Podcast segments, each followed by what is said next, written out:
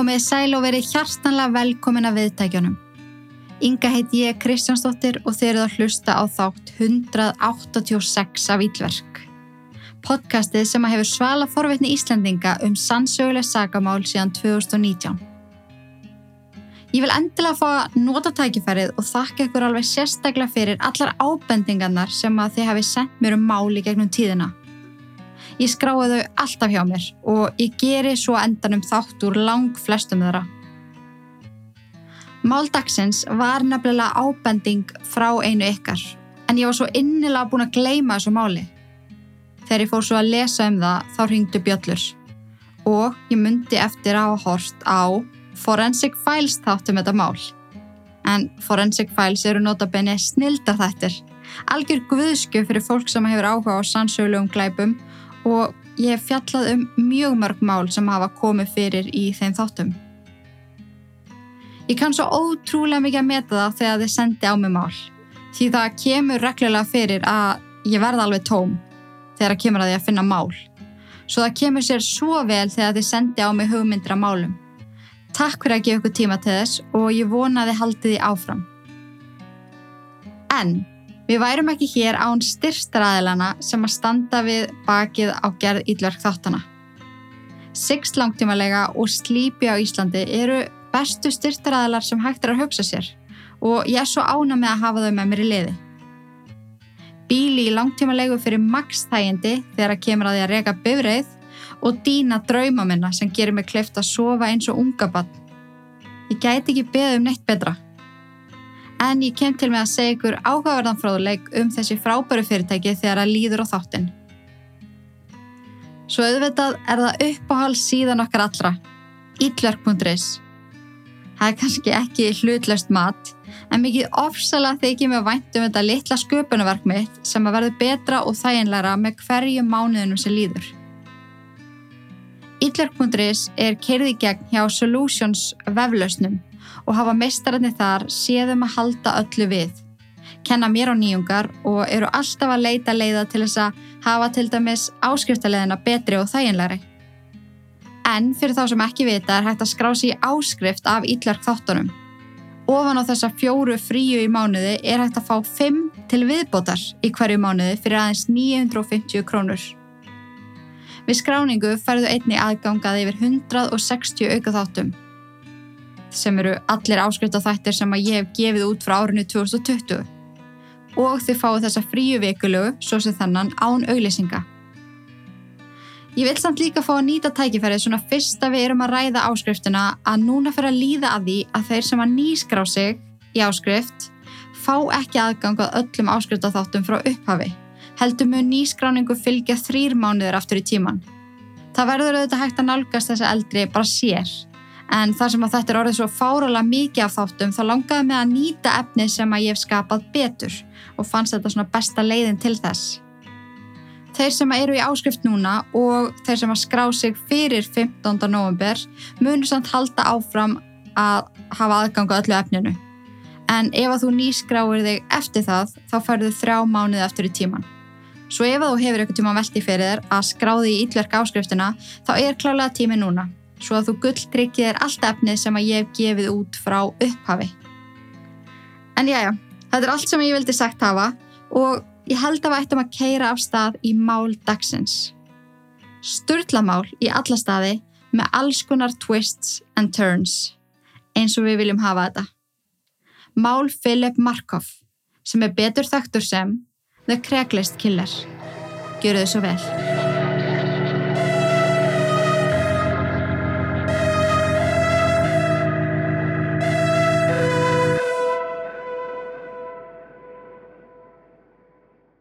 Þann 12. februar árið 1986 kom í heiminn lítill ljósari drengur. Fóreldra hans, Richard og Susan, búsetti í Séreli í New York, voru yfirsi hamingjusum með viðbótina í fjölskylduna. En fyrir áttu þau svonin Jonathan. Þau hafðu lengi reynda eignast annað bart saman og það hafði gengið freka brösulega. Svo loksins þegar að yngri drengurinn þeirra kom í heiminn fannst þeim fjölskyldan fullkomluð. Þau skýrðu strákin Philip Haynes í höfuð á föðu sínu sem hétt fullunafni Richard Haynes. Richard starfaði sem tannlæknir og Susan sem reytari og klinka á tannlæknastofinni þannig að sinir þeirra komu oft við og fengu að skoða öll tækin og tólin og urðu báðir hittlaðar af þessu öllu saman. En í mörg ár, þegar þeir voru spurðir hvað þeir ætlaði að verða þegar þeir eru stórir, þá svöruðu þeir Við ætlum að verða tannlæknar og við ætlum að eiga stofu saman, sem er mjög krútlegt. Heima við þá leku þeir sér í tannlækna hlutverkaleik þar sem að þeir skiptust á að vera tannlæknirinn og sjúklingurinn. Leikur sem að endaði ansi ofta á rauðrildi því að báðir vildur leika tannlæknin. Þeim gekk báðum alveg ótrúlega vel þegar að koma námi. Þeir voru báðir vinsælir meðal samnefnda og þeir tóku þátt í öllu félagslegu tengdu skólanum. Philip, sem var alveg einstaklega myndalegur ungu maður, varði eitthvað neginn strax vinsælistrákurinn í skólanum. Í raun frá fyrsta degi. Stelpunna voru skotnar í honum og strákarnir vildu verða vinir hans, sem er mjög svona stereotypical en þó raunin í hans tilfelli. Þetta kom allt rosalega náttúrulega til hans. Engunir og námsárangur var frá degi eitt til fyrirmyndar og var fóröldrum hans ítrekka bóðið að færa hann upp um bekk. Þau sögðu þó alltaf nei því að þeim fannst mikilvægt að hann fengi að vera í samfloti með jafnöldrun sínum. Fun fact, þegar ég var í þriðabekk þá vildi skólinn að ég erið færð upp um bekk. Ekki því að ég var eitthvað óvenjulega klár, heldur var það því að ég spændi bara í gegnum allar námsbækur. Ég vildi alltaf klára það strax og var alltaf búin langt á undan öllum hinnum. Þegar ég var búið með allt sem að bekkurum minn átt að gera á önninni var mömmu búið að færa mig upp um bekk. Notabenni þá var ég í litlum sveitaskóla og var þess að bara með einni stelpu í bekk. Sjátt á þig, Íta Bjarnadóttir, þú varst geggjaði bekkjafélagi og ég er ekkert eðlilega ána með að mamma sagði nei við þessu tilbúið því að það þýtti að ég gæti verið áfram með þýr í bekk. Og ég held þetta hafi verið hárjætt ákvörun hjá mömmu því að það kom svo í ljós að Ég flýti mér með allt sem ég til mig fyrir hendur og ég er ekkert endilega að læra á leiðinni. Þannig já, smá svona áhuga að vera staðröndu um mig í óspörðum frettum. En í staðin fyrir að færa Philip upp um bekk þá voru hann komið fyrir á afræksbraut fyrir ungar námsmenn sem að sköruðu fram úr í námi. En í bandaríkjunum þá er þetta kallað National Honor Society og veitir nefendum sem að skara fram úr Uh, leiði til þess að taka þátt í hinnum ímsu námskeppnum og, og mótum sem að Philip gerði svo sannlega. Fyrir höndskólans þá tók hann þátt í starfræðikeppnum, stafsendingakeppnum, upplæstrakeppnum og hann vann til verðluna í hvert einasta skipti. Hann var líka hluti af nefndum innan skólans og var til dæmis réttstjóri skólabæðsins, formaður leiklistanemdar, söguklúpsins og Hann var líka hluti af nefndum innan skólans, hann var til dæmis réttstjóri skólablaðsins, formaður leiklistanemndar, formaður söguklúpsins og hann spilaði með keilu og golfliði skólans. Hann tók líka virkan þátt í The Youth Court uh, sem er svo kallar Ullingadómstóll. Ég var aldrei heyrst um þetta áður en þetta er mjög sniðugt og í þessu sérst fælst að leysa mál annara unglinga sem eru dæmdir fyrir smáklæpi eða og kannski ekki leysa málinn þeirra, heldur setja í kviðdóm og þurfa að taka ákverðun um dóminn þeirra. Og þetta gerir ungu fólki kleift að læra betur inn á dómskerfið og fangilseskerfið. Og það að Philip hafi ungur farið í þetta prógram og lært svo ótrúlega margt af þessu er hálf kaltænislegt, svona miða við hvert þetta mál mun stefna þegar að líður á þáttinn. Hann var alveg staðræðun í því að vera tannlæknir þar til að loka árinu sínu í mentaskóla. En þá breytir hann um stefnu eftir að hafa setið kynningu ungra læknanema sem var komið í skólan hans til þess að kynna námið. Fóraldra hans voru mjög stoltar á hannum og lofuðu því að ef hann næði lokaprófunum og kæmist inn í læknanám þá myndu þau aðstofan með að greiða skólagjöldin sem að voru og eru enn í dag mjög há. Það var svo sem ekki við öðru að búast en Philip útskrifaðist með fjórðu hæstu engun og komst nokkuð ljúflega inn í læknanám við The State University of New York, Albany. Hann sökti sér í námið og syndi sjálfbúavinnu á bráðamáttökunni á Albany sjúkrahúsinu sem var hérna rétti á skólanum. Í frítíma sínum þá spilaði hann golf eða hann vakti langt fram á nótt með vinu sínum og spilaði póker En Philip var alveg þekktur fyrir það að taka póker mjög alvarlega og varð alveg brjálaður í þessi fáu skipti sem hann tapaði. Vinum hans fannst þetta alveg einstaklega að fyndi hvað hann var alltaf brjálaður og gerðu í því að espan upp og spyrja hann hvað þeir ættu nú að gera við alla peningana sem að þeir myndu hyrða af honum í leiknum. En þessum kvöldum þá fylgdi yfirlegt mjög mikil drikja og það er atveg sem átti sér stað á einu slíku póker kvöldi. En eftir leikin þá fer sérst vinahópurinn á skemmtistað þar sem að þeir hitta fleiri vini úr skólanum, bæði stelpu og stráka. Og Filip, hann hafði í einhver tíma haft augast á einni stelpu sem var með honum í bekk og hún sérst mætir á skemmtistæðin þetta kvöld. Þeim var mjög vel til vina og töluðu saman nær daglega í skólanum En þetta kvöld, eftir að hafa drukkið mjög mikið og tapað í pókerleik, þá króar hann stelpun af, reynir að kissa hana og koma við hana og er bara mjög harðhendur og ógnandi. Og stelpan verður skiljanlega mjög hrætt við hann og beður hann ítrekað um að hætta. Filip hlustar ekki á hana og stoppar ekki fyrir hann vinur hans dregur hann í burtu frá henni. Og maður svona spáir í því hvaða vinurinn hefði ekki komið hefði Filip nauðgað vinkonu sinni? Þótt að sé ekki til fleiri svona atvik, allavega ekkert sem að ég fann, þá segir þetta okkur að hann var ekki þessi fullkomni all-American boy eins og hún var alltaf líst sem. Hann átti að greinlega til að vera algjör skítall og þetta gefur manni vissulega insinn í hegðunans setna mér. Árið 2005 þegar að Philip var á öðru ári í læknisfræði þá kynnist hann Megan McAllister á einni sjálfsbóðsvaktinni, sjálfsbóðsvakt, sjálfbóðaliði. Ég er búin að segja þetta svo oft, þetta hljómar alltaf svo vittlust sjálfsbóðavakt. En eins og ég sagði ykkur án þá var hann í sjálfbóðavinnu á sjúgrásinu og þau kynnastast þar á bráðamóttökunni, á Alban í sjúgrásinu. Þeim var strax mjög vel til vina og það sem að heitlaði þau viðkost annað var ástriðan fyrir náminu. En þarna hitti Filip mannesku sem að var á nákvæmlega sama stað, sem að hafi stóra drauma og markmið og, og sama má segja um Megan. En vinkonu Megan segja frá því setna meira að hún hafi kallað Filip klára læknaprinsinn eða herra draum. Hann var jafn sætur og prinsarnir úr æventýrunum og hann átti greinlega framtíðina fyrir sér sem læknir bæði því hann var ótrúlega klár og því hann brann fyrir náminu. Það má eiginlega segja að sambandið þeirra hafi byrjað strax eftir fyrstu vaktina saman, því að eftir hana þá töluðu þau saman daglega, hittust mjög reglulega og ekki leðalöngu þar til að þau voru farin að gista hjá hvort öðru. Eftir að hafa þakst í rúman mánu þá verða þau par og fólk talar um að þau hafi átt samband sem að öllum langaði eiga ekki dæðilega sæta leiðast og kissast á gungunum í skólanum. Þau sjást daglega saman á bókasafni að læra saman, unnu saman á verkefnum og fóru svo heim saman, hönd í hönd að skóla loknum, í litlu sætu háskóla íbúð Phillips.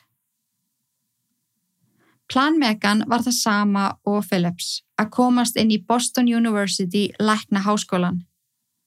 En því miður þá fór það þannig að Megan kemst ekki inn í skólan og ekkert af hinnum skólunum sem að hún hefði sótt um til vara. En Philip, hann kemst inn og hann hvetur hana til þess að reyna aftur við intökuprófin að áru liðnu en hann byður hana þanga til að flytja með sér til Boston. Og Megan hún heikar ekki við þá ákvörðun og flytur unga parið saman til Boston árið 2008. Um áramótin 2008-2009 þá byður Philip Megan um að gifta sér fyrir framann fjölskyldu þeirra begja og hún segi já. Fjölskylda Filip dýrkar Megan og fjölskylda Megan dýrkaði Filip. Öllum fannst þau æðisli saman og var þeim sagt að spara ekkert þegar að koma brúðkaupinu því að þau ættu að hafa þetta nákvæmlega eins og þeim hafði alltaf dremt um því að fólkdraður ætlu að borga fyrir allt saman. En plani var að þau myndu ganga eða heilaga þann 14. ágúst árið 2009. Philip hóf svo nám sitt í Boston háskólanum og eins og gefur að skilja þá er þetta nám mjög þungt. Miklu þingra en hann hafi nokkuð tíman geta ímynda sér og skiljaða þá var hann oft mjög stressaður. Hann lærði stanslust og leta oft betna á megan hversu bugar hann var. Þótt hann ætti alveg til að vera hálf leiðilegur, þá tók hún það ekki í næri sér. Hann var undir miklu álægi og hún gerði sig grein fyrir því. Hún reyndi að hjálpa honum alltaf þegar hún gatt, nuttaði hann á kvöldin, passaði að vera alltaf nót til að borða fyrir hann og nestla þegar hann var að læra. Hún var svo innilega góð við hann og talaði alltaf fallega um hann við vini og fjölskyldu. Þótt hann ætti það til að vera algjörst skass og einmitt hundleðilegu við hana eins og það væri henni að kenna hvað það væri erfitt nám. Filip reyndi að halda í eitthvað af félagslífinu sem hann var vanur að eiga, þótt hann hefði í rauninni engan tíma til þess. Í einu skiptin sem hann náði raunverulega að slaka á var þegar hann spilaði póker. En það var oft erfitt fyrir hann og vinnans að skipilegja pókerkvöld. En það voru flesti vinnir hans í álíka þungu námi eða komni með lítil börn. Svo Filip ákvað að prófa að fara í spilavíti. Hann gætt gengið að ninn hvena sem hún er datt í hug og hann þurfti ekki að skipilegja nætti kringu það. Svo við og við þá greip hann í það. En þetta er ekki alveg jafn saklust og þetta hljómar. Þegar Filip spilaði póker við vinni sína og tapaði penningum þá var voða lítið mál fyrir hann að segja æstrákur ég er blanku núna má ég borga setna og það var ekkit mál. Þetta voru allt ungi menn í læknanámi og ef að ykkur gæti ekki borgað þá fóru málinn yfirleitt þannig að sáinn sami splæsti einum bjór eða skuldin bara fjall niður með tímanum. Þetta skipti einhver máli. En þær reglur gilda ekki í spilavítum. Ef þú tapar peningum þá kemstu ekkit upp með það að borga ekki. Þú getur fengið lán hjá spilavítunum en þú þarfst að greiða þessi lán og ef þú gerir það ekki þá hrúast ofan að láni dráttavextir og því miður er þetta eitthvað sem að Philip hafi stundað í nokkra mánuði. Setna meir þá segist hann hafa upplefað sjálfa sig blindan á peninga. Hann var vanur því að fóreldra hans greittu hluti fyrir hann og hann var vanur því að spila póker við vini sína sem að kröfða hann aldrei um neitt tilbaka. Svo hann tók aftur og aftur lán í spilavítunu til þess að greiða fyrir þau skipti sem hann tapaði peningum. Hann spáði einu sinni í upphæðinni sem að skuldin var komin í. En skuld Philip var komin upp í 20 miljónir og 500.000. Og ég er að segja ykkur það, ég fæ kaldan hroll við tilhjóksunina að skulda 20 miljónir í spilavíti. Það er auðvitað smá stressandi sko. Og Megan sem var á fullu að undirbúa brúðkaupið þeirra, ákveða blóm og skoða kjóla og finna réttu kirkjuna, hún hafði ekki hugmynd um þessa skuld og því miður þá var þetta ekki það eina sem að Philip lendi fyrir Megan.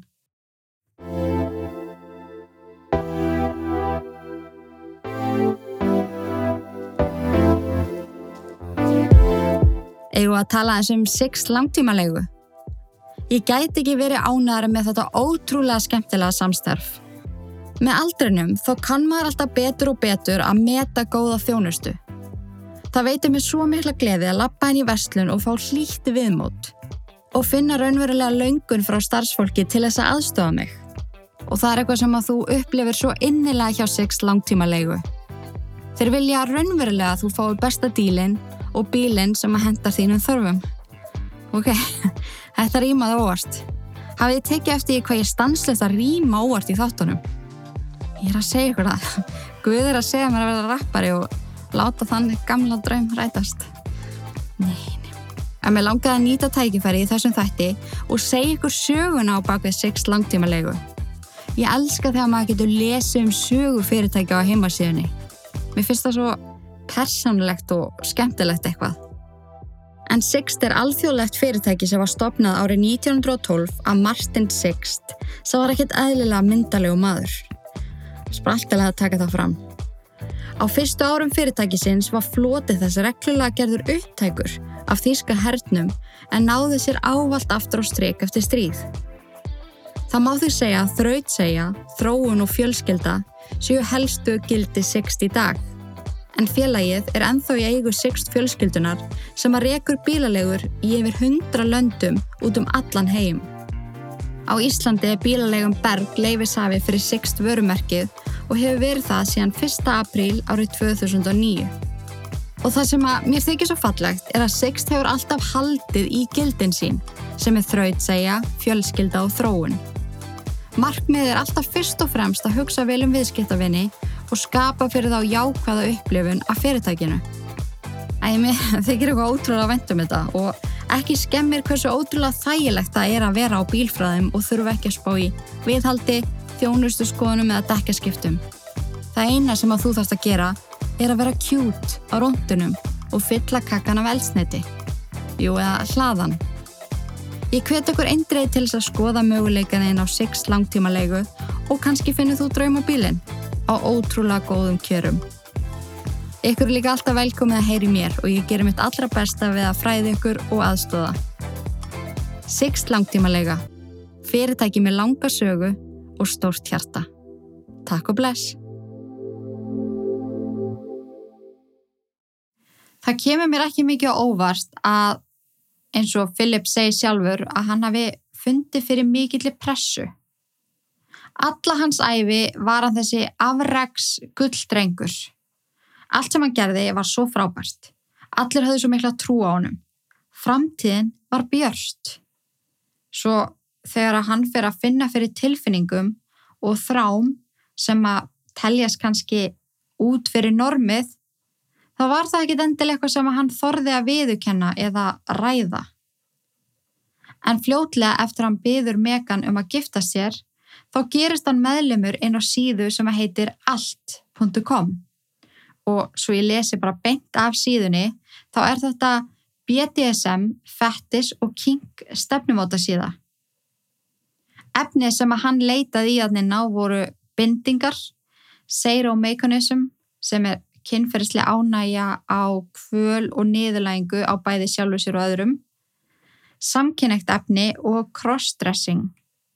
En í lýsingunni á prófilnum hans inn á síðunni þá skrifar hann Boys, I want to be dominated. Það eru auðvitað ekkert að því að fólk skoða þessum og það eru auðvitað ekkert að því að koma staði að þú sért fyrir hitt og þetta með aldrinum en það er auðvitað mikilvægt þegar þú ert í sambandi þá sérstaklega þú ert alveg að fara að gifta þig að kannski ræða þetta við makaðinn. Hann hefur örgulega fundið fyrir pressu þegar að leiða stóra deginum en í staðin fyrir að vera heiðalegur þá eittan freka tíma sínum í að rýfast um mekan um brúðkaupið. Hann vildi ekki hafa þetta of stórst, hann vildi ekki of fínan mat, hann vildi draga úr öllu á meðan mekan vildi hafa þetta brúðkaup aldarinnar svona eins og innstinni þá hafa hann hugsað Æ, ég vil þetta ekki. Best að vera bara leiðilegur svo að hún mögulega hætti við þetta allt saman. Í staðin fyrir að koma bara hreint fram og segjast vera óvis um kynnið sína. Hún er langa að pröfa ymsa hluti og það hans er stressaði fyrir því að gifta sig. En það er auðvitað auðvelt fyrir mig að segja þetta. Ég vildi bara óska þess að hann hefði verið hreinskilegin því að mögulega hefðu málinn farið allt öðruvísi og auðmikið megan, ég vorki henni henni ekkert eðlilega mikið. Kanski hefði hún þá ekki verið dreyinum og asnæronum í allan ennan tíma. Philip setti á hverjum einasta degi fæslur inn á síðuna, þá aðalega magavöðvamyndir af sjálfum sér. Hann óskaði eftir að hitta menn á hótelum og óskaði líka eftir fólki til þess að taka þátt í hlutverkalegjum. Hann prófaði líka nokkru sinnum að þykjastra kona sem að gætt komið á staði innan Boston og nuttað menn sem átti síðan að enda með happy ending. En svona sangandöllu þá verðast hann aldrei að hafa hitt neittn í gegnum þessa síðu. Hvort að ástæðan sé að hann hafi reynilega ekki þórað í eða hann hafi aldrei fengið svörin sem hann vildi, veit ég ekki. En það sem að mig grunar er að á svona síðum er náttúrulega mjög stramt eftirlitt það eru náttúrulega epitölur. Þú þarfst að slá inn personu upplýsingar því að svona síður vilja þetta koma í veg fyrir að fólk sé í hættu þótt að það takist í meður ekki alltaf. Filip allavega því að eigða aðganginu sínum á allt.com og snýr sér alfarið yfir á kregslist. En einmitt þetta er það sem að síðar átti eftir að gefa honum viðunefnið sem að hann svo fjekk. En fyrir þá sem ekki vita þá er Craigslist eins og bland.is eða allar þessar Facebook síður eins og Brask og Brall eðina menn með stuttum fyrirvara. Allt þetta á einni stóri heimasíðu. Þannig að auglýst þjónustu, óska eftir þjónustu, auglýsingar, leiga, óska eftir tólistafólki, Bara allt milli heimins og jarðar. Ásend því að geta spjallaði fólk undir fölsku nafni. Daddy Cool, neðustrygg 001, wants to send you a message, eitthvað í þess áttina. Og allir Philip hafi ekki upplifað þetta sem starri vettvang fyrir sig að skoða sig um á. En það var félagann sem var bent honum á Craigslist eftir að hann hafi keft sér sofasett að það. Philip fylgist alveg sérstaklega með fyldarþjónustunni inn á Craigslist. Þau höfðu auðvitað ekki yfirheitið fyldarþjónusta, heldur var þetta falið með til dæmis ódýrt nött eða adult service. Stundu var einfallega verið að auglýsa ódýrt nutt en það kom þó ekki ljós fyrir en frekar í samskipti átti sér stað á milli Philip og einstaklingsinn sem var að auglýsa þjónustuna. Fljótlega eftir að Philip skrái sig þá kemst hann í samband við Trishu Leffler sem að auglýsti ódýrt nutt. En eftir frekari fyrirgrenslan komst Philip að því að hún væri í fylgdaþjónustunni sem er nákvæmlega það sem hann var að leitast eftir. Þau ákveða hittast í Western Copley Hotel í Boston þann 10. apríl árið 2009 og svo ég vittni bara í Trissu sjálfa þá segir hún Ég veit að það sem að ég geri er áhættu samt. Ég legg sjálfa mig í lífsættu og ég er alltaf loðandi hrætt á meðan ég býð eftir viðskiptavinnum. En þegar að Philip gekk inn á hótelherbyggið fann ég fyrir gríðalegum létti. Hann var hávaksinn, myndalegur Hann brosti fallega og virtist rólegur og yfirvegaður. En um leið og ég hafði loka hurðinni og snýri mér að honum, tók á móti með bissa sem hann bendi beint að andlitin á mér. Hvaðan í anskotanum kemur þetta? Hvernig fór hann úr því að skoða sig um á svona síðum yfir í að taka með sér bissu og beininni á fyrstu manneskuna sem hann hittir af kregslist? Þetta er, ég skil ekki. En hann segir Trissju að ef hún gerir bara það sem hann segir þá verði allt í góðu. Hún baði hann strax um að please nefnir að hætta að beina bissinu framann í mig og hann gerir það og við það róast Trissja neður. Filip segir hann að leggjast á rúmið og loka augunum sem að hún gerir. Hann klæði sér þá í latexhanska, sækir plaststrekkiborða í jakka vasansinn og festir með þeim hendur hennar við rúmið. Hann fer svo og rótar í veskinu hennar. Tricia opnar þá augun og spyr hvert fjandan hann sé að gera. Og þá meðar hann bissunni aftur á hana og segir henn að þeia.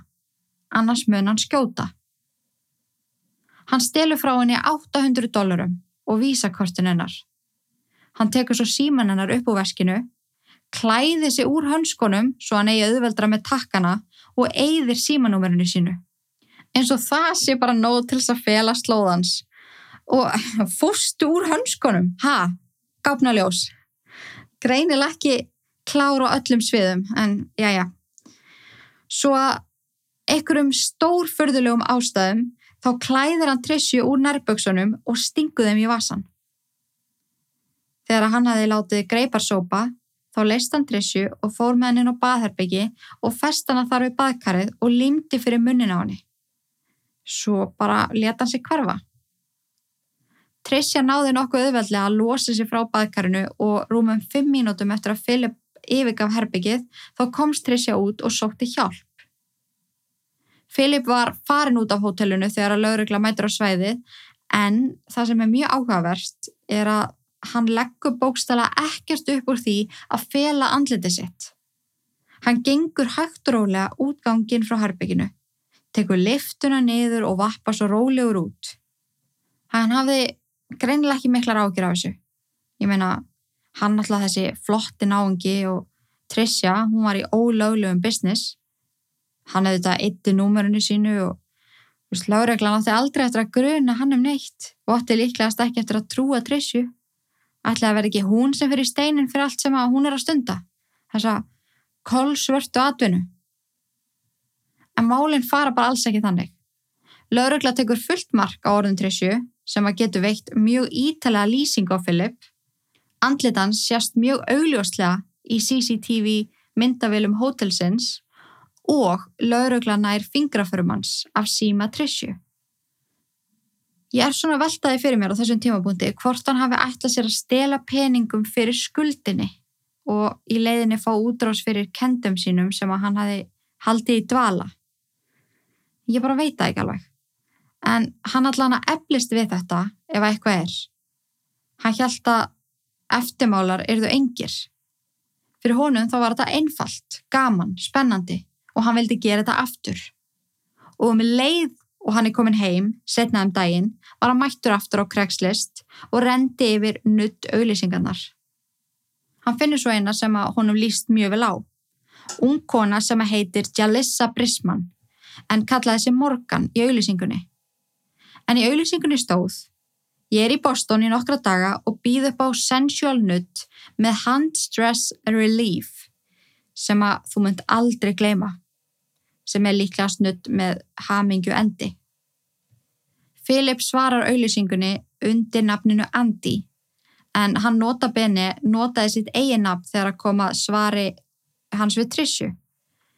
En allan hafi ekki alltaf að spila þetta ekstra örugt og kallaði þessi Andy í þetta skipti og þau ákveða hittast hann 14. apríl árið 2009 fjórum dögum eftir að hann rænir Trishu. Hann hittar hann ekki á sama hotelli heldur á hótelinu hinum með við göttuna. Þau eru bókstala á móti hvort öðru, sem að segja okkur hversu ótrúlega kókraustur hann er. Fyrir honum voru enga líkur á því að hann er þið grunaður og hvað þá handtekinn fyrir eitthvað svona. Við vitum ekki nákvæmlega hvað á sér stað inn á hótelherbygginu, en Philip fer líklega stanna inn með svipan ásetning og með trissju. Nema að Jalissa Hún finnst hálf út úr herbygginu eða hún liggur svona á meðri dyragettinni. Hún er öll út í blóði. Hún er með skótsár á bringunni og á maganum. Það var stórst opið sár á höfðin á henni og hún var nær dauða en lífi þegar að bráðalegar komið henni til bjargar. Því miður þá deyr hún á börunum á leiðinu út af hótelinu. Við frekar er ansókn á líkjennar komi ljós mjög alvarlegt höfukúpubrót, tvö skótsár í brjóst og eitt í maga. Hún var marinn út um allan líkama og á höndunum á henni voru plast strekkiborðar. Undir nöklunum hennar fundust húðagnir svo að þeir sem var ansökuðu málið öttu vonir við að finna DNA síni gerandans undir nöklunum. Ef að notaði sömu aðferð á Jalessu og hann gerði á Trishu hefur hann óta fram hann í hennar bissu, sagt henni að allt er í fína lægi ef hún bara gerði það sem hann skipaði henni. En Jalissa, hún barðist við hann, sem að endaði með þessum hætti. Morðið á hótelinu var mjög fljótt að berast í fjölmiðla og í öllum fyrirsögnum mátti sjá The Craigslist Killer. En það var á þessu augnabliki, setni part dags 14. april árið 2009, að hann fær þetta viðnöfni. Hann fekk ekki bara þetta viðnefni, heldur voru myndir úr CCTV byrstar og fólk beðið um að hafa samband ef að það kannast um mannin á myndunum. En eins og í fyrraskipti þá huldi Philip ekki andlit sitt og það var nokkuð augljóst þegar myndirnar frá atviki Trishu og atviki Janissu voru borna saman að um sama mann var að ræða. Dægin eftir morðið á Jalissu þá skellir Philip sér í spilavíti og þar leggur hann á borðið 700 dollara sem eru að öllum líkindum peningarnir sem hann stál af konunum. Eftir að hafa setið allan daginn þá nær hann að breyta þessum 700 dollarum í 5.000 dollara sem eru rúm 713.000 og hann sést í CCTV hoppa um úr kæti. Það að geta farið í spilaviti eftir að hafa barið mannesku til óbóta og síðan skotið hana til bana og fagnað Það er brenglað og sínir okkur enn og aftur hvað hann var ótrúlega kókraustur. Íllur skítall. Andlitið á hannum var bókstala út um allt í öllum frettameilum. Neip, ekki sens að þau náu mér. Ég er náttúrulega bara eðal náðungi. Þær er að selja líka með sinn. Ég er klálað með yfirhöndina hérna. Henni svo þetta sé það sem hann hugsaði. Og til þess að topa þetta, hvað hann var áhugjulegs, Get ég sagt ykkur að tveim dögum síðar þá svarar hann annari auðlýsingu inn á Craigslist. En Cynthia Melthorn auðlisti kjöldudans sem að gat ef að viðskiptavinnur vildi endað með hamingjusamlegum endi. Philip fyrir að hittir hana 16. april á hóteli í Rhode Island. Sama tekni, hann meður á hana bissu, segir henni að gera allt sem að hann skipar henni og þá fer allt vel. Hann festir hana við rúmgablið með plastrekkiborðum og ætla sér að ræna hana þegar símin hennar fer að ringja á fullu. Filip reynir eins og hann getur að hunsa síman á meðan hann lætur greipar sópa en símin ringir aftur og aftur og aftur og ringitótnin er í hæstu stillingu og hann endar á að garga á Cynthia og bara jæja, hver er eiginlega ringið á fullu? Og Cynthia segir honum að þetta sé líklegast eiginmaðurinn hennar því að áhugavert nokk þá starfaði eiginmaðurinnar sem aðstofamæðurinnar líka. Fór með hann á milli staða og hann beðnir í lobbyið þegar hún fór að hitta menn á hótelum. En þeirra rútina var að Cynthia senda honum SMS þegar viðskiptavinnurinn væri komin, þá annarkort það að allt sé í góðu eða að henni líki ekki aðstæður. Og þá kom maðurinn hennar og raka viðskiptavinnin í burstu. En þarna hafði Cynthia ekki tækifæri til þess að senda SMS-ið því að Philip batt hana strax við rúmið. Maðurinn hennar hekar ekki við að koma inn í herbyggið og kanna aðstæður og þar sér hann konuna sína bundna við rúmið og Philip standand á miðjugólfi gjörsanlega frosinn. Eftir nokkra sekundur af störukeppni beint í augu eigimann Cynthia tekur Philip byssuna upp á vasanum og beinir að manninum. Og gæinn, hann hleypur öskrandi út úr herbygginu. Hann hefur síðan uh, þetta átti sér stað verið harlega gaggrindur fyrir það að hlaupi burtu. Hann, hann skildi konuna sína eftir með manni með bissu en svo velti maður því fyrir sér hvað átti hann óvopnar að gera. Það fyrsta sem kom upp hjá honum var að hlaupa og sækja hjálp sem að hrætti Philip sem að leti sig hverfa og hljóp gangin í aðra átt og fóri gegnum bruna útgang hótelsins. En eins og áður þá hafði hann ekkit fyrir því að fela á sér andlitið og enn einn CCTV myndin á honum bættist í Craigslist killer sapnið. Á þessum tímapunkti var þetta það eina sem að fjölmiðlar í bandaríkjunum fjölluðum og þeir sem að stóðu að rannsók málsins voru komni vel á veg með að finna út hver þetta var. Þóttan hafi eitt símanúmerinu sínu úr síma kvennana þá var hægt að finna skilabóðin þeirra á milli og þegar þau fundust var hægt að reyka EP-tölu skilabóðana og hún var rakin að heimilið þeirra Philip og Megan.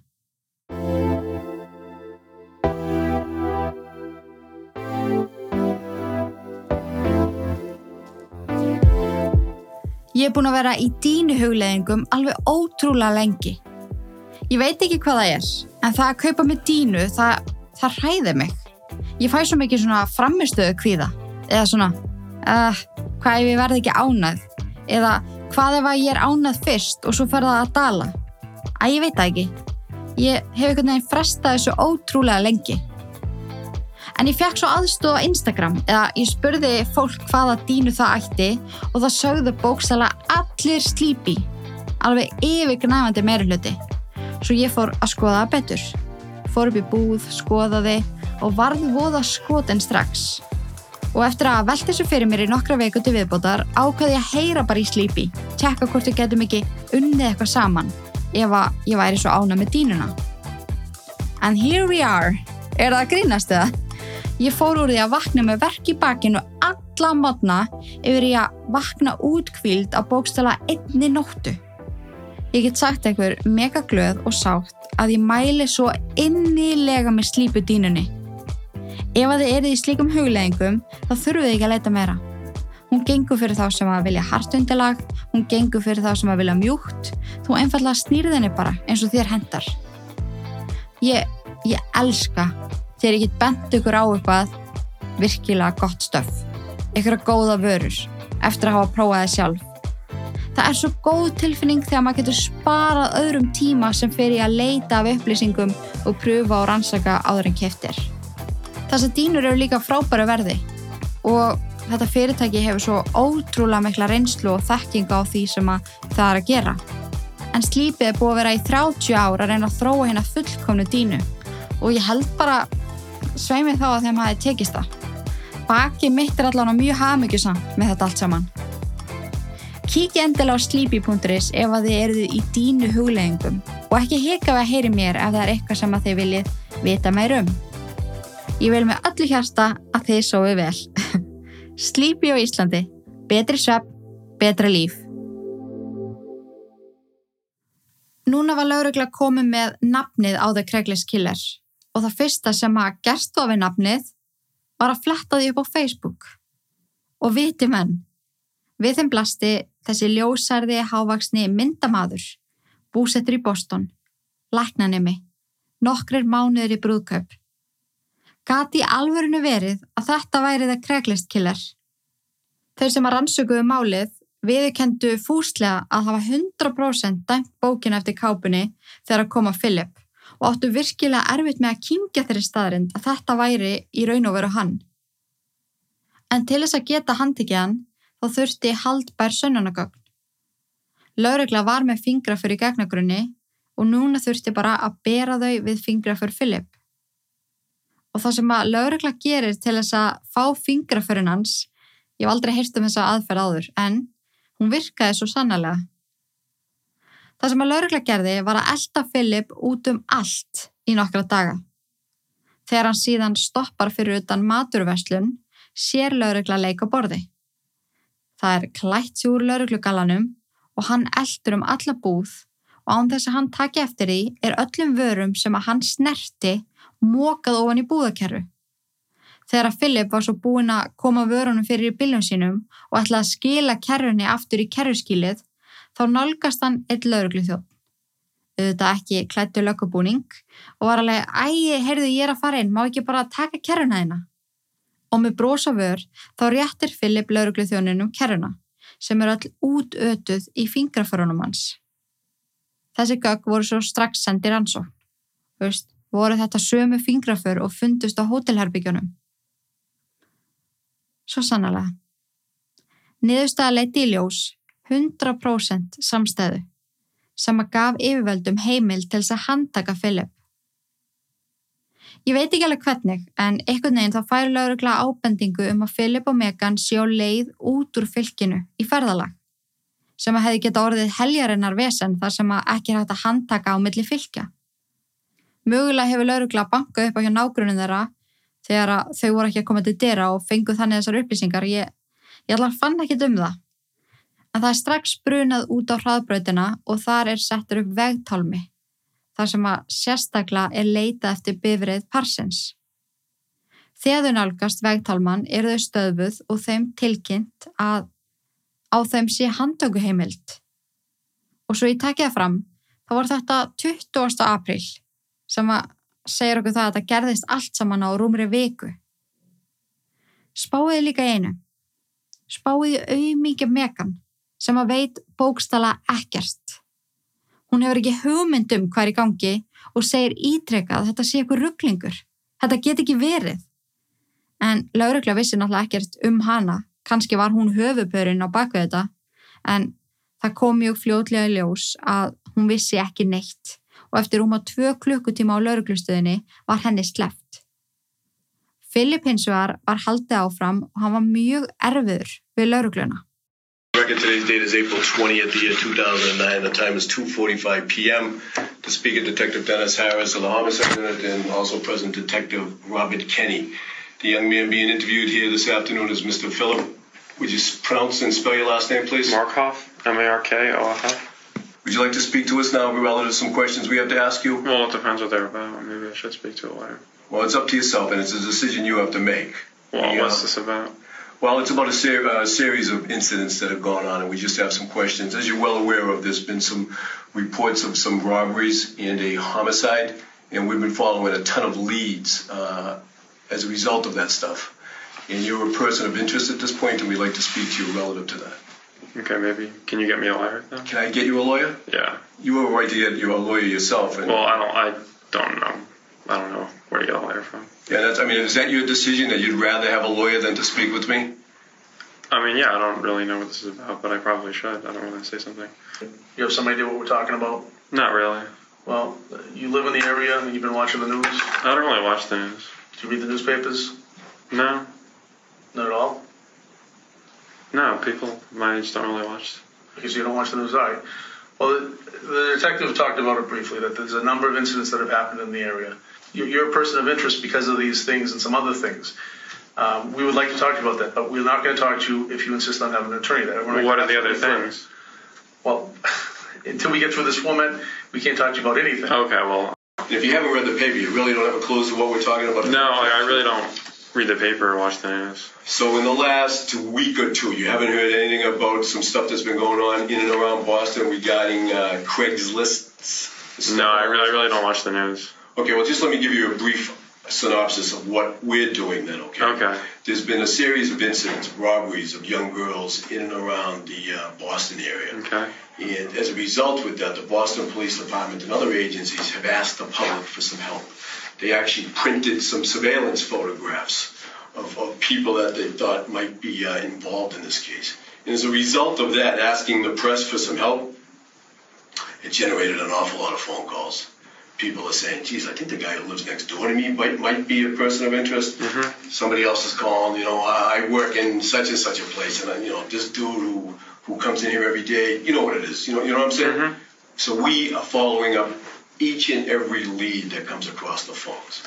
I can tell you as I sit here, in my limited capacity, there's a photograph in one of the surveillance photographs, or a couple of the surveillance photographs, there's a strong likeness and image to yourself, Philip. Okay. One of the reasons why you're here. The first incident that I spoke to in the Western Hotel, a girl was robbed. Did you have anything to do with that? No. If this is going to keep going on like this, No, you but get it's your choice. You, you can, we can make some calls right now. If you would like an attorney to come and, and counsel with you this afternoon and then continue this, that's all right. Okay, and that's what you want to do, Well, Sure, I guess. Detective Kenny? we're, we're getting, uh, I guess, I guess, I guess. You don't want to be asked the same questions over and over again. That's what I'm understanding from what you're saying. So, if you don't mind, I'd like to ask you some different questions. You're not invoking your right to attorney. You're saying. Can I get one if it's, I'm going to keep asking these, if you're going to keep asking me the same questions? I'm not I gonna- told you I don't know Hann hafði ekki hugmynd um hvað máli snerust um. Hann fylgdist ekki með frettum og hann bætti við að fólk á hans aldrei fylgdist yfir höfuð ekki með frettum. Hann vildi lögfræðing, en vildi samt fá að vita um hvað máli snerist.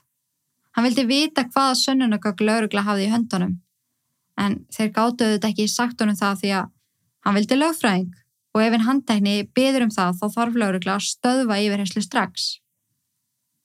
Á meðan yfirheyslan fór fram var annað teimi sendt á heimilegra Philip og Megan til þess að leita sönnunagagna og þar lendist gríðalegt magn af upplýsingum sem að beintengdu Philip við allt sem að hafði átt sér stað. Það sem að fannst var til dæmis límbandið sem að hann hafi notað til þess að líma fyrir munn kvennana. Talvan þar sem að öll samskiptin í gegnum bæði stefnumótasíðuna og Craigslist fór fram morðvopnið sem að Philip hafði teipað fast aftan á þurkaran, ásand lækna námsbók sem að Philip hafði skorið gati í blaðsjöðunar og falið aðra byssu inn í. Undir dínunni á hjónarúmi Parsons var búið að teipa sokk fastan og inn í þessum sokk voru 16 pör af hvernmanns nærböksum. Með DNA var sannað að tvær af þessum nærböksum voru í eigu Trishu sem var fyrsta fórnir af Philip. Aðrar tvær voru í eigu Cynthíu og einar voru í eigu Jalissu, konunar sem hann myrsti. Það veit engin hver átti restina. Mögulega voru Cynthia, Jalissa og Tricia ekki einu fórnalömbans, en það hefur aldrei tekist að sanna það. Það var svo líka til öryggis útilokað að þetta væru ekki nærbuksur í eigu Megan. Þannig að já, við veitum ekki hvort það séu fleiri og fáum sennilega aldrei að vita það. Kvöldið 20. apríl árið 2009 var Philip Markov ákærðu fyrir morðið á Jalissu og fyrir tvö vopnu rán á þeim Trishu og Cynthíu. Um nóttina var svo kallað út sjúkrabíl þar sem að Philip hafi reynd að hengja sig með skóreimónu sínum í fangaklefanum. Hann lifði af en var næstu vikuna vaktaður allan sólarhingin. Megan hún stóð först á því að lauruglan væri með rángan mann í haldi.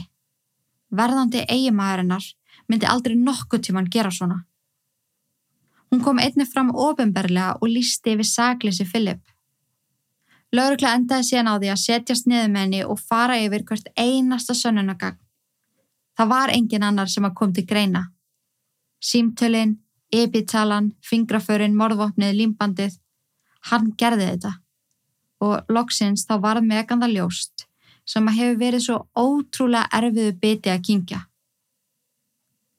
Hún ákvað að fara með móðu sinni í fangelsið til þess að slíta sambandinu við Filip sem að hafði fyrrum daginn reynd aftur að taka eigi líf með því að skera sig á púls með teskeið.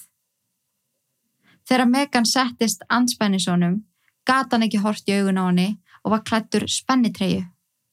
Það eina sem hann sagði við hana er I'm sorry.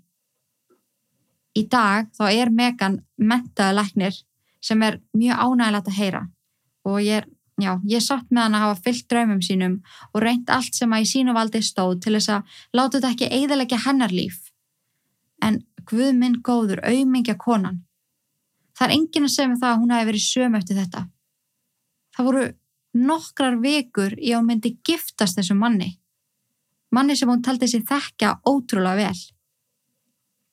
Filip reyndi aftur og aftur að taka í líf næsta árið og það leiði allar mánuður þar sem hann var ekki á sjálfsvíksvakt í eitthvað tíma. Þann 15. ágúst árið 2009 sem að var dagurinn eftir brúðköpsdag hans og Megan eða þetta átti að vera brúðköpsdagurinn þeirra þá finnst Filip látin í klefanu sínum. En hann hafði einhvern veginn náða að smigla nývin í klefan og hafði með honum skorið á slagaðar. Hann hafði einni tróði klósitpappir ofan í koki á sér og smygt plastboka yfir höfuðið.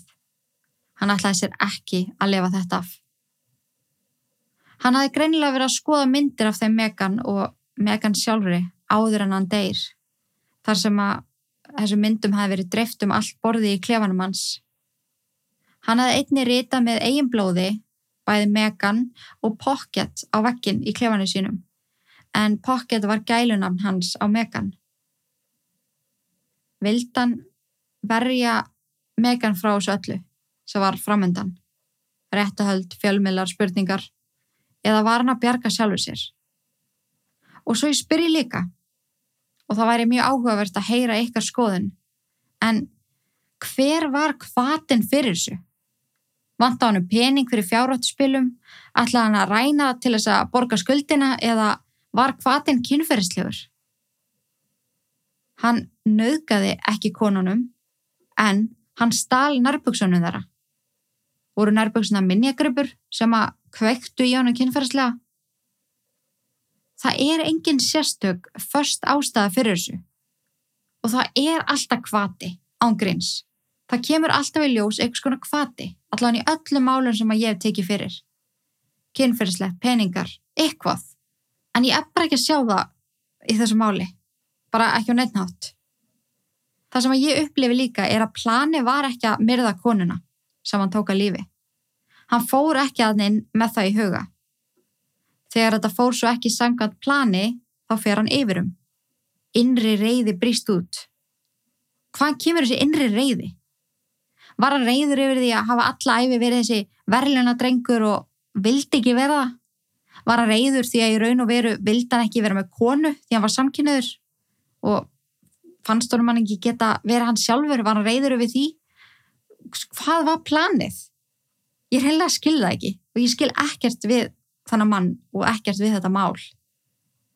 Ég er alveg ótrúlega forvitin að vita hvað eitthvað finnst. Þetta er svona mál þar sem að ég vildi að væri ykkur en það hjá mér að tala um þetta við mig það er ótrúlega erfitt að vera eitt því að það er svo margt sem ég langar að velta fyrir mér er eitthvað sem að kemur til ykkar eitthvað kenning og líka allan hefði haldið áfram Þegar þið eru búin að hlusta á hana þátt, skellið ykkur þá endilegin og lokuðu Facebook-grúpuna sem heitir bara Íllverk.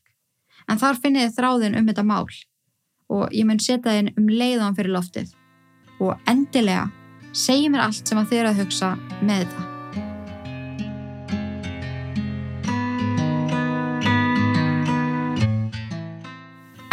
Ég held að sé komið fínt hjá mér á þessu sinni. Þángat í næst, þakka ykkur kærlega fyrir að hlusta. Takk fyrir að vera til og í guðanabænum forðistu all ílverk nema þetta podcast. Verið sæl. Haugur, take it away. Bættu sjöfið og þú dottir ert í lukku Sýnda sáli sem í djúpa hafi sökku Gangin líf eins og flugur inn í krukku Meðan 666 andast luppu Bættu sjöfið og þú dottir ert í lukku.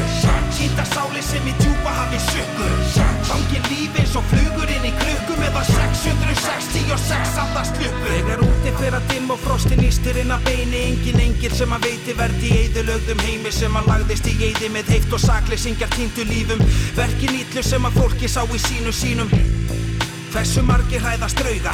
Hversu margir hræðast að það horfi í augu dauðas Augu taka mann á taugum eins og andar sem að herja mann. Fadir vor á himnum fyndu engil til að verja mann. Hjartaslæri svo það sé með djöfulinn á hælunum Refur á móti hænunum, úlfur með sauða gæru Ílska reykar í bænum og lömpi þakma þórað ekki að vanda Allt og marga sálir sem að tilbyðja fjanda. Hamingja krasar eins og skip sem strandar anda Dráttur milli handa hættir að vanda Þegar að þreyttir að hálsi. Þegar ótti tekur yfir missa sakleysingjar málið eins og nortni galdra fári.